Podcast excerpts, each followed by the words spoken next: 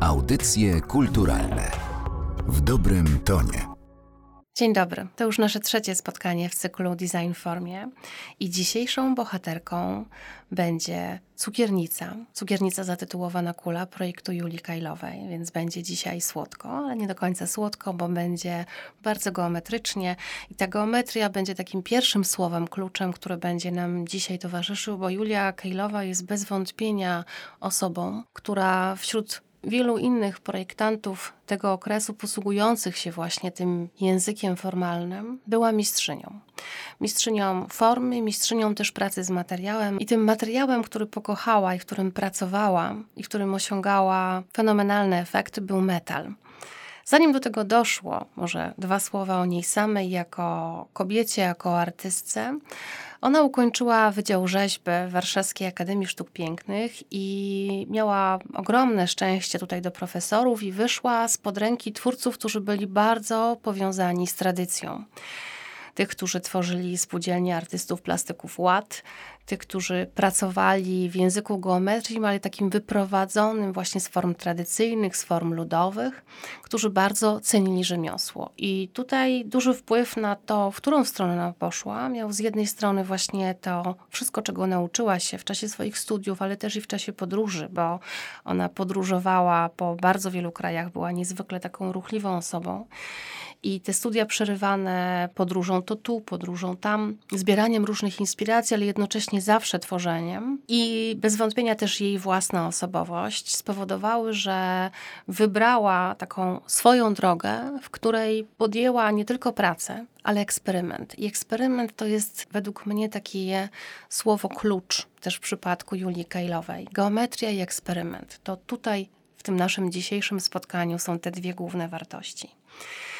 Formy geometryczne w głowie, w rękach, w sercu Julii Kejlowej były zawsze taką grą pokazującą, że tak jak budując zdania używamy słów, tak możemy też budować formę, używając różnego rodzaju figur geometrycznych, zmieniając pomiędzy nimi proporcje, ustawiając wzajemne zależności, coś ścinając, coś dodając, bawiąc się skalą i też pracując z materiałem. My dzisiaj, jako ten materiał tego głównego bohatera, mamy metal. To jest taki materiał szczególny, twardy, którego trzeba umieć zastosować, do którego trzeba w jakimś sensie też się dostosować, ale materiał, który daje bardzo dużo. Daje możliwość odbicia, daje możliwość zwielokrotnienia, pewnego odwrócenia też. I to jest to, w czym Julia Kejlowa odnajdywała się świetnie i dlatego jak patrzy się na kolejne jej projekty, w tym Cukiernice Kula, to mamy takie wrażenie, że to jest coś więcej niż sam język geometrii, bo Cukiernica Kula bazuje właśnie na tym kształcie kuli. Projektów, które wychodzą z sfery jest bardzo dużo. Tu mamy do czynienia z takim mocnym też ścięciem formy, więc cała centralność tego założenia, jakim jest kula, zostaje zaburzona, zdynamizowana. Pokrywka, która jest takim, powiem tak trochę obrazowo, berecikiem po skosie ubranym. Pochwyt, który z kolei jest taką mocną formą, dynamicznie okalającą, wychodzącą w przód i zakończoną geometrycznym takim cięciem niczym zęby jakiejś maszyny. I patrząc też na tą formę, tak jak e, stoi na stole, jak będziemy chcieli ją używać jako cukiernicy, czy jak postawimy ją albo zobaczymy w kolekcji muzealnej, a tam możemy podziwiać między innymi ten obiekt, to można zobaczyć zarówno przedmiot użytkowy, jak i obiekt, który funkcjonuje niczym rzeźba w przestrzeni. Ta rzeźbiarskość to używanie materii, ale też i braku materii, bo taka lekcja nowoczesnej rzeźby, która tak naprawdę zaczęła się jeszcze od rzeźby figuratywnej w XIX wieku, a w XX już na poziomie abstrakcji była kontynuowana, to było myślenie nie tylko materią, czyli tym, co jest, ale też tym, czego nie ma tam gdzie wprowadzamy powietrze, tam gdzie jest jakieś przełamanie formy, tam gdzie ona wychodzi w przód albo gdzieś naokoło przechodzi i pojawia się z drugiej strony.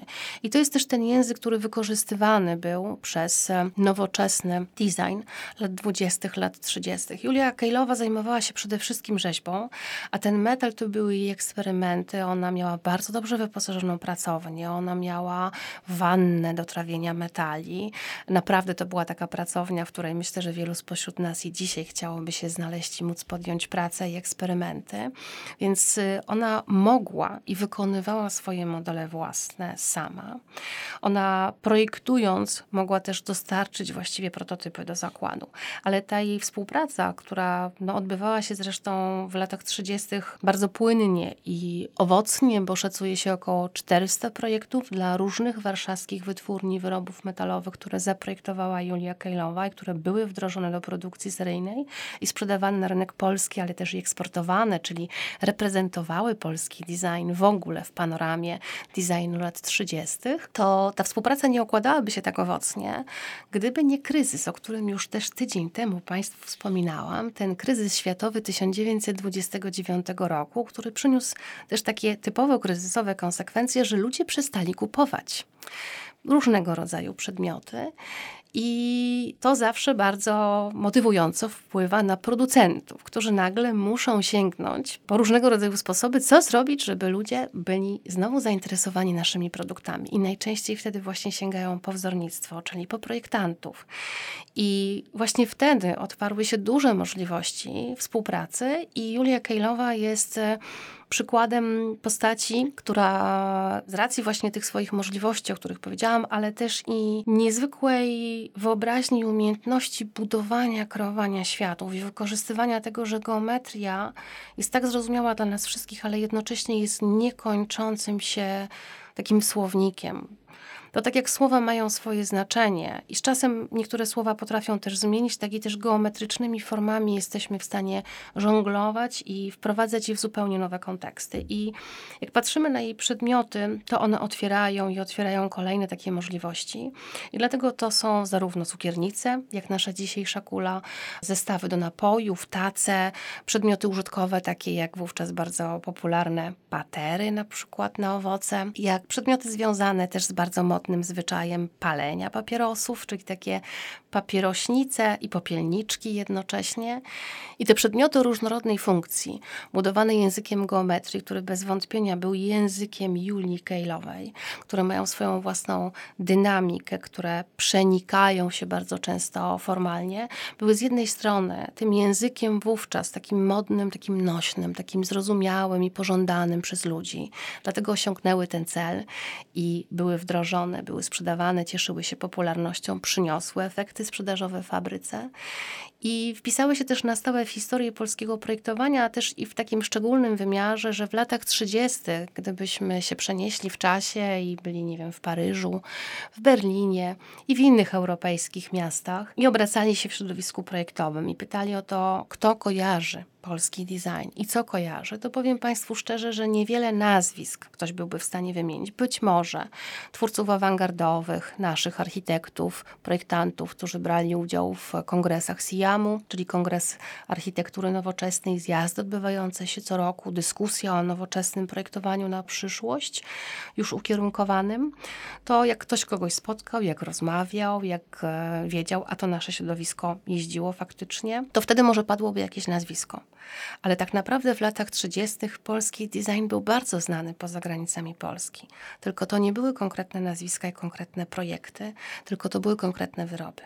I wyroby metalowe warszawskich wytwórni były znane w całej Europie, kojarzone jako polski design, jako najwyższa jakość artystyczna i wykonania.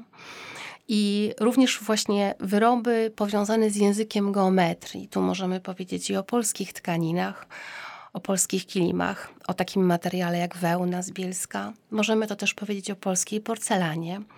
Ćmielów, projekty Bogdana Wendorfa, które też oparte są na kodzie geometrycznym i to też jest taki przykład współpracy na linii projektant i producent i tworzenia projektów, które reprezentują swój czas, które odpowiadają na potrzeby współczesności, bo to jak patrzymy na formę i jak myślimy o tym, że to jest, są pewne upodobania tylko estetyczne i gust epoki, to jest zawsze wypadkowa sposobu myślenia. Ta geometria, która wtedy była tak znacząca dla ludzi, nie była tylko i wyłącznie estetyką, była wiarą w to, że my dzisiaj zmieniamy świat i to jest ten nasz nowy język, taki język, który prowadzi do lepszego życia.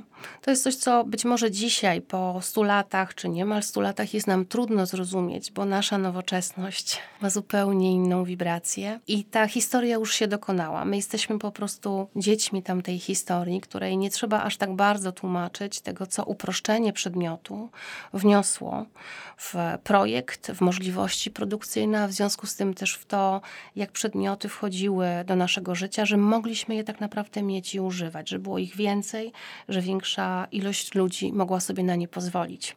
Zarówno od strony materialnej, co nie ukrywajmy, że jest e, też istotne, ale też i od strony formalnej, czyli tego, jak ten nasz świat się zmieniał i jak nowe formy pojmowaliśmy. Projekty Julii Kejlowej są dziećmi lat 30., a więc tej dekady, kiedy królowała maksyma forma wynika z funkcji.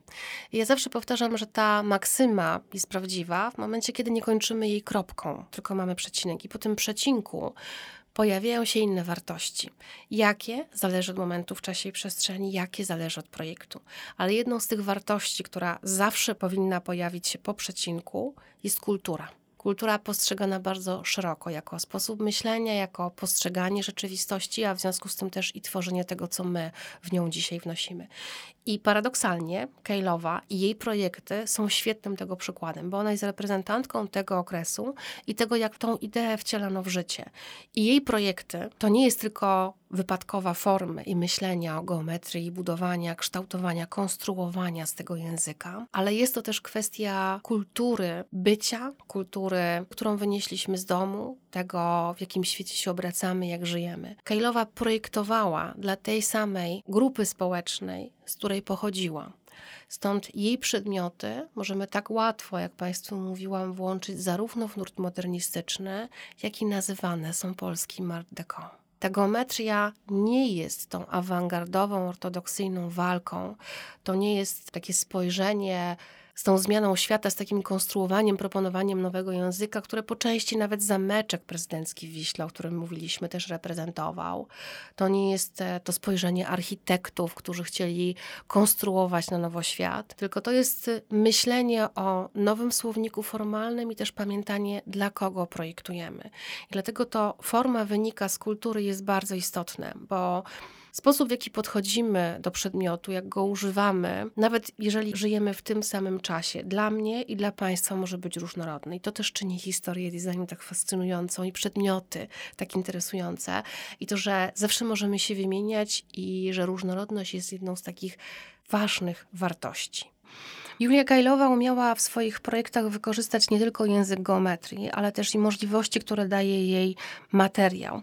Metal jest materiałem, który daje możliwość zostawienia go w macie, możliwość wypolerowania, wypolerowania nawet na wysoki połysk, daje możliwości odbić i u niej w wielu projektach, tam gdzie mamy wyprowadzoną formę okrągłą i spodziewamy się, że ta linia dalej będzie szła miękko, a nagle otrzymujemy linię cięcia, to nie jest tylko gra formalna, ale to jest też taki styk światów, takie przenikanie się i pewne możliwości tego, że forma odbije się niczym w lustrze. Czyli ten element ostro cięty da szansę zwielokrotnienia tych linii okrągłych. Wiem, że to może bardzo trudno brzmi, kiedy o tym mówię, a Państwo nie mają szansy spojrzeć na obiekty, więc tym bardziej polecam, jak będzie możliwość zetknięcia się z projektami Julii Kejlowej, żeby przyjrzeć się właśnie tym połączeniom tym miejscom, które dają nam zwielokrotnienie. To tak jak w lustrze nagle obraz możemy multiplikować, tak samo jest e, możliwość poprowadzenia tego w metalu. I to wymaga też takiej dyscypliny myślenia o formie. Patrząc też na projekty takie jak Cukiernica Kula, czy inne projekty autorstwa Kejlowej, warto zwrócić uwagę na pewien monumentalizm ich nawet w tej niedużej skali, gdyby wyobrazić sobie, że one są wykonane naprawdę w dużej skali, takiej plenerowej, wielkoformatowej rzeźby, to poczulibyśmy ten monumentalizm bardzo, bardzo mocno, ale one mają go też nawet w tej mniejszej skali zawarte właśnie w doborze tych elementów, pewnych połączeniach ich pomiędzy sobą. I dlatego były tak modne i tak popularne, i ta współpraca z wytwórniami wyrobów metalowych warszawskimi była tak płodna, ponieważ kolejne wzory, które były zamawiane przez te wytwórnie, które właściwie w pewnym momencie mam wrażenie, że rywalizowały o tą współpracę z Julią Kejlową, co jednak też jest takim przypadkiem szczególnym, bo my mówimy o latach 30., niedługi odcinek czasowy. Druga wojna światowa będzie cezurą dla wszystkiego, w tym też i dla projektowania polskiego. Niestety Julia Kejlowa jest postacią, która nie przejdzie na drugą granicę, czyli zginie w czasie II wojny światowej w wieku zaledwie 41 lat a więc bardzo młoda osoba. U szczytu swojej kariery z ogromnymi osiągnięciami we wcale niełatwej materii, jaką jest metal, i w tych rodzących się początkach wzornictwa przemysłowego w Polsce, to w latach 30. nie było pojęcia, które było używane. Natomiast projekty, które były wdrażane seryjnie, takie właśnie jak projekt Julii Kajlowej, już mamy z nimi do czynienia. I ona była tak naprawdę u progu kariery. I to niestety na tą drugą stronę się nie przeniesie, ale ja za tydzień przeniosę Państwa na tą drugą stronę, już oczywiście z innym bohaterem, innym projektem, który na dzień dzisiejszy zdradzę Państwu tylko tyle, że też będzie kobietą. Audycje kulturalne w dobrym tonie.